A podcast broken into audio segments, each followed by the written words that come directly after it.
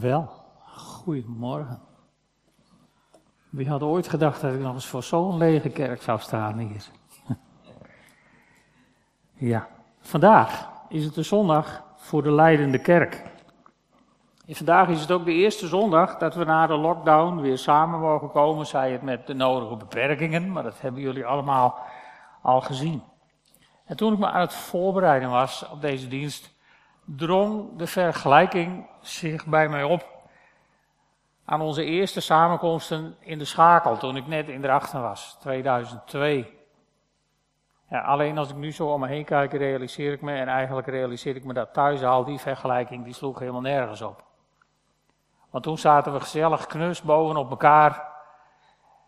En, en je kunt het niet vergelijken met nu.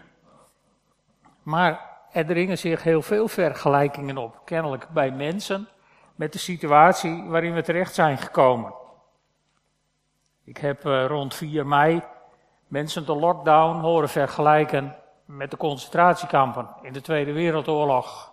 Dan heb je het echt niet begrepen. En ik heb mensen horen zeggen op bevrijdingsdag van we hebben een nieuwe bevrijdingsdag nodig om van deze lockdown bevrijd te worden. Nogmaals, dan heb je het in mijn ogen echt niet begrepen. Ik heb mensen Nederland een politiestaat horen noemen. En horen zeggen dat we in een bezettingsstaat leven.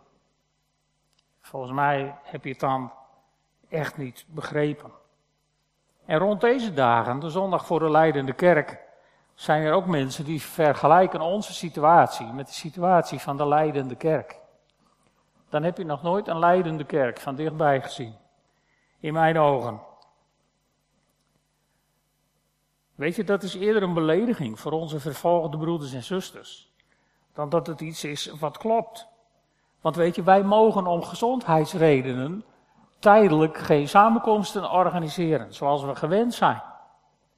Maar onze vervolgde broeders en zusters mogen vanwege de godsdienstwaanzin om hen heen nooit in hun leven ook maar iets van hun geloof laten zien. Wij mogen alle mediakanalen gebruiken om het geloof te verkondigen. En zij moeten zich permanent verbergen.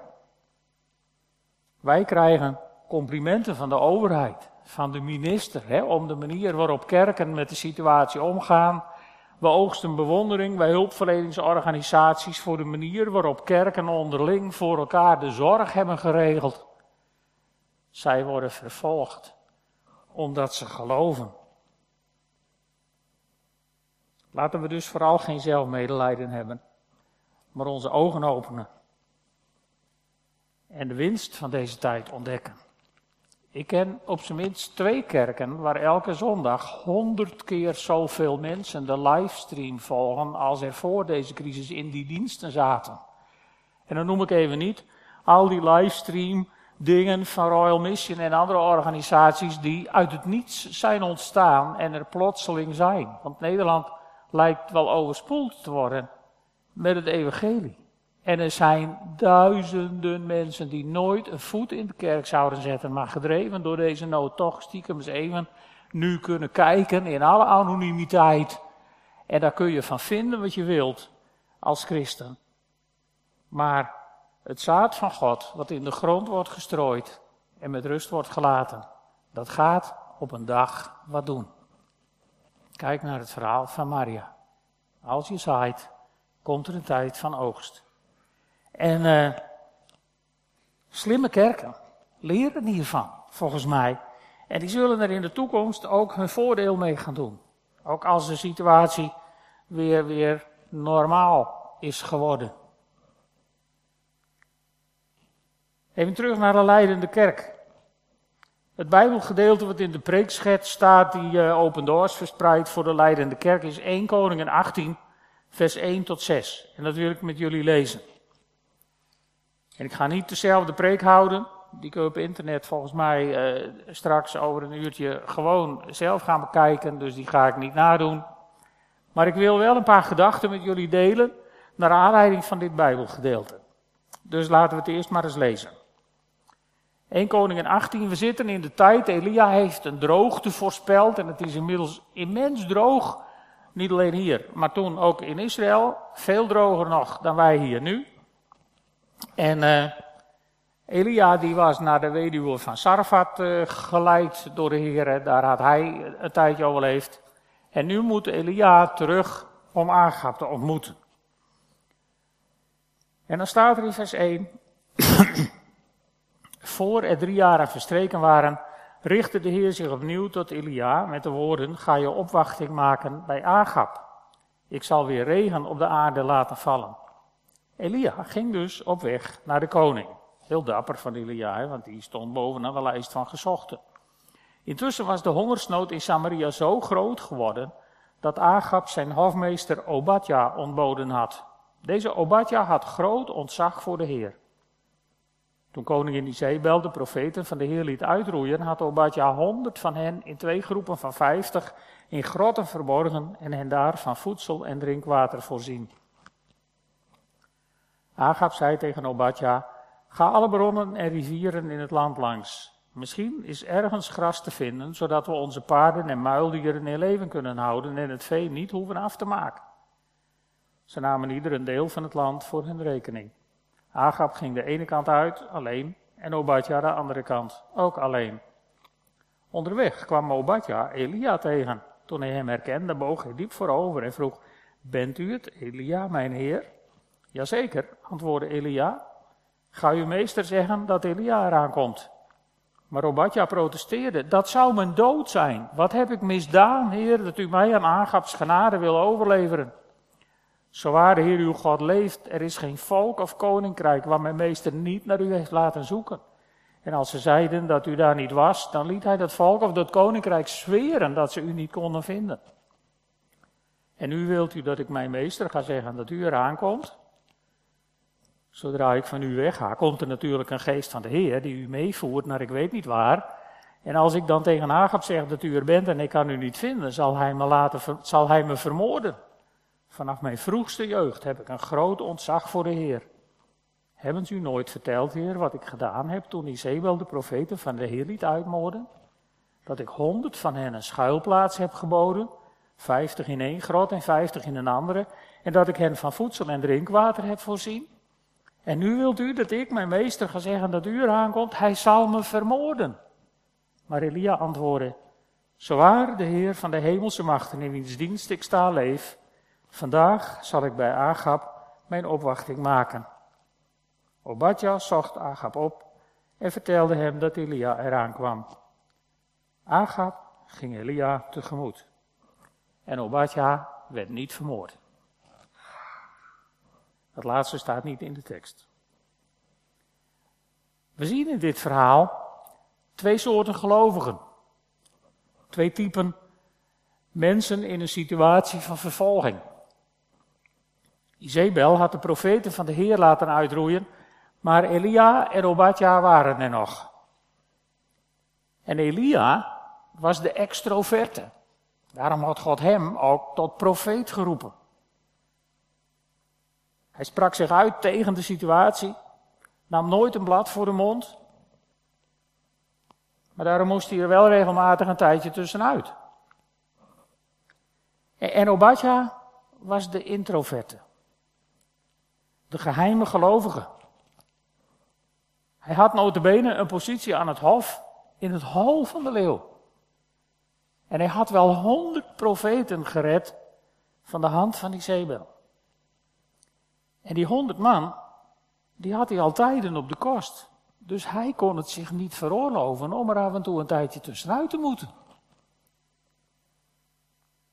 Zo zijn er ook vandaag twee soorten gelovigen in landen waar geloof onderdrukt wordt.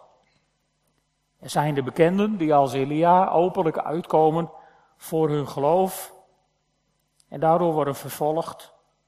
En dat zijn de helden die we kennen. Die op het podium komen bij Open Doors om te vertellen over de situatie. En dat is geweldig. Dat moet.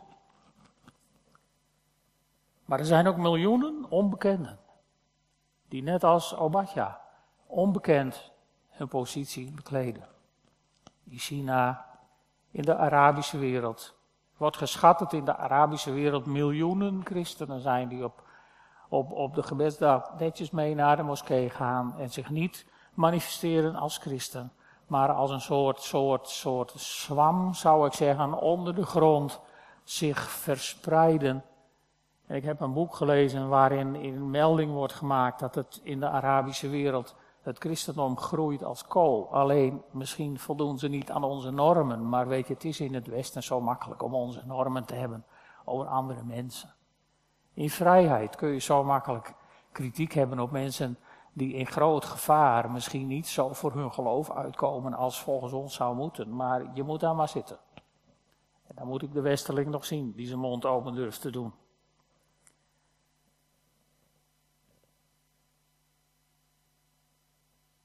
Maar ik wil nog wat aanstippen uit dit gedeelte. En dan wil ik toch wat verder inzoomen op Obadja. Obadja is een man die de Heere vreest. Staat twee keer in dit kleine stukje tekst dat hij de Heere vreest. Maar er zit ook een diepe angst binnenin Obadja. En ik kan me heel goed voorstellen dat je wat paranoïde trekjes krijgt als je je hele leven lang voortdurend over je schouders moet kijken. Na de wende heb ik dat, dat gemerkt bij vrienden van ons in voormalig Duitsland, die, die een, een diepe innerlijke weerstand hadden, zeg maar, tegenover regeringen. Want ja, die waren altijd vervolgd door hun regeringen. Ik snap dat je dan, dat dat bij je binnensluit. En uh, ook in onze vrije maatschappij heb je echter mensen die zich voortdurend laten leiden door angst. Je kent vast dat gedichtje wel. De mens leidt doorgaans nog het meest door het lijden dat hij vreest, maar dat nooit opkomt dagen. Zo heeft hij meer te dragen dan God te dragen geeft. Dit zou je op Obadja kunnen toepassen. Maar misschien is een goede spiegel wel veel toepasselijker. Kijk daar eens even in met mij. Als Elia Obadja opdraagt om zijn komst aan te kondigen bij koning Agab, is zijn eerste reactie, dat zal mijn dood zijn. Ondanks het feit dat hij diep ontzag had voor God, vertrouwde hij God voor geen meter. Want om zijn angst te rechtvaardigen, presenteert Obadja zijn complottheorie. Hij zegt, zodra ik van u wegga, komt er natuurlijk een geest van de Heer die u meevoert naar ik weet niet waar. En als ik dan tegen Agab zeg dat u het bent en ik kan u niet vinden, dan zal hij me vermoorden. Ik, ik weet niet of je ziet wat hier gebeurt, maar Obadja beschuldigt God dus van een rotstreek die wij mensen nooit zouden kunnen bedenken. Want hij zegt, ja, straks ben ik op weg naar Agab en dan verstopt God jou lekker stiekem en dan word ik daar de dupe van. En dit is dichter bij ons denken dan je misschien in eerste instantie in de gaten hebt.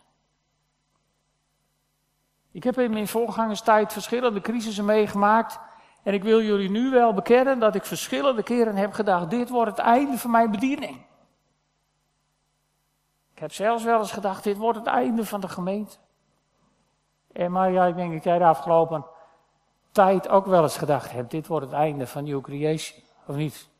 Want zo zijn wij mensen, toch? Dus het is dichterbij dan je denkt. En Obadja, die denkt dat ook. Weet je, ik, ik, ben, ik kom uit de bouw, oorspronkelijk. En, en als je vroeger, ja nog tegenwoordig denk ik, maar goed, als je een project had waar heel veel betonwerk bij werd, dan werd er tijdens het betonstorten, werden er van die kleine kubusjes gemaakt, volgens een volgeschreven formaat. En die moesten dan volgens een, een volgeschreven normering, een x-tijd drogen. En dan werden ze uit dat kistje gehaald. En dan werden ze onder een grote pers gezet.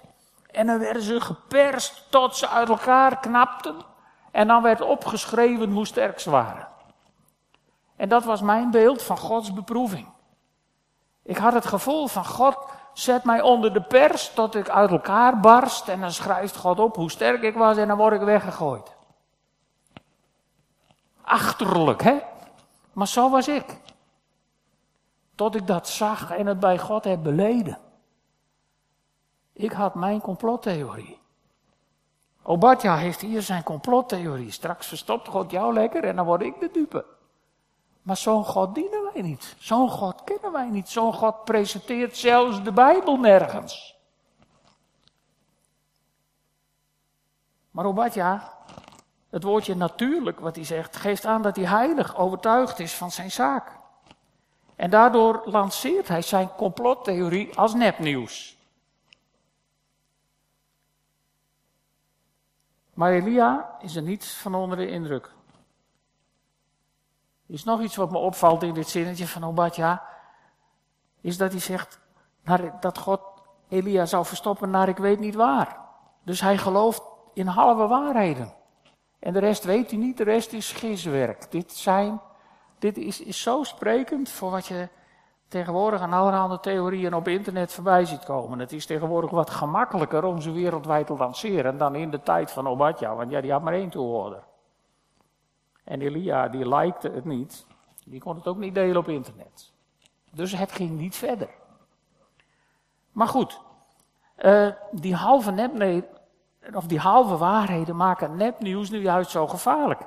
En uiteindelijk toch door de druk van Elia gaat Obadja met natte oksels en knikkende knieën naar Agap. En Agap ontmoet Elia. En, en wordt niet vermoord. Maar hij heeft drie keer geroepen dat het zou gebeuren. Dus hij had een obsessie dat dat zou gebeuren.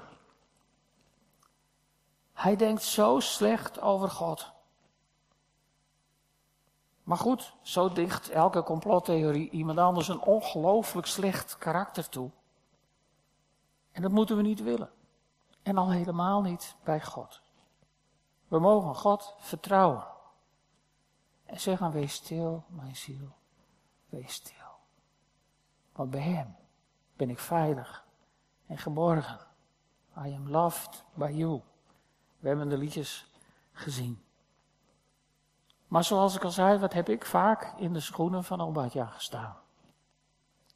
In tijden dat het moeilijk was. Hoe vaak heb ik niet gevreesd dat God me af zou danken als ik een beproeving niet zou doorstaan. Alsof God ons beproeft om ons eronder door te laten gaan. Het idee alleen al. En weet je, het past mij dan ook niet om een oordeel over Obadja of over andere complotbedenkers te hebben. Het enige wat mij past is nog steeds schaamte voor hoe ik over God heb gedacht in tijden dat het moeilijk was. En misschien heb jij daar ook wel eens last van. Ik kan me bijna niet voorstellen dat je dat niet hebt. Maar goed, voordat ik een complottheorie lanceer. Ik wil je tot slot laten weten dat God mij er volkomen van heeft bevrijd en er zelfs allergisch voor heeft gemaakt. Ik kan er gewoon niet meer tegen als ik het tegenkom. En hij heeft het me vergeven. Halleluja. En daarom wil ik afsluiten met een tekst uit de oude NBG-vertaling van 1951. Een heel bekend vers uit Romeinen 12, vers 2. Word niet gelijkvormig aan deze wereld, maar word hervormd door de vernieuwing van je denken.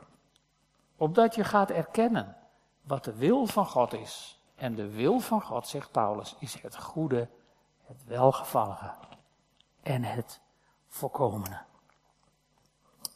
Ik wil jullie een lied laten horen wat me diep geraakt heeft en waar ik nog steeds niet met droge ogen naar kan luisteren.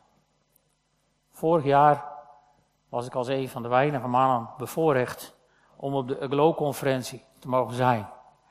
En daar werd een geweldig lied, was het conferentielied eigenlijk, dat kwam elke keer weer terug.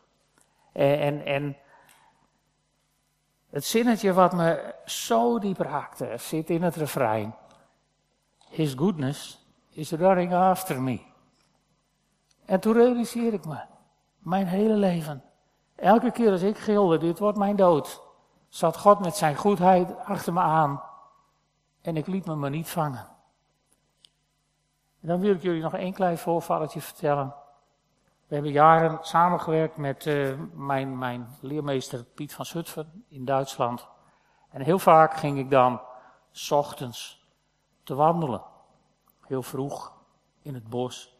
En op een ochtend zat een jong vogeltje uit het nest gevallen. Hij kon nog ja, een beetje fladderen, maar niet echt vliegen. Dus ik dacht, nou die raap ik even op en die doe ik weer terug in het nest. En elke keer als ik zo deed, fladderde die, die een klein beetje weg. Na een keer of vier, vijf, begon ik daar redelijk genoeg van te krijgen. En ik voeterde op dat beest stom ding, blijf toch eens even zitten, want dan kan ik je redden. En toen zei God, snap je? His goodness is running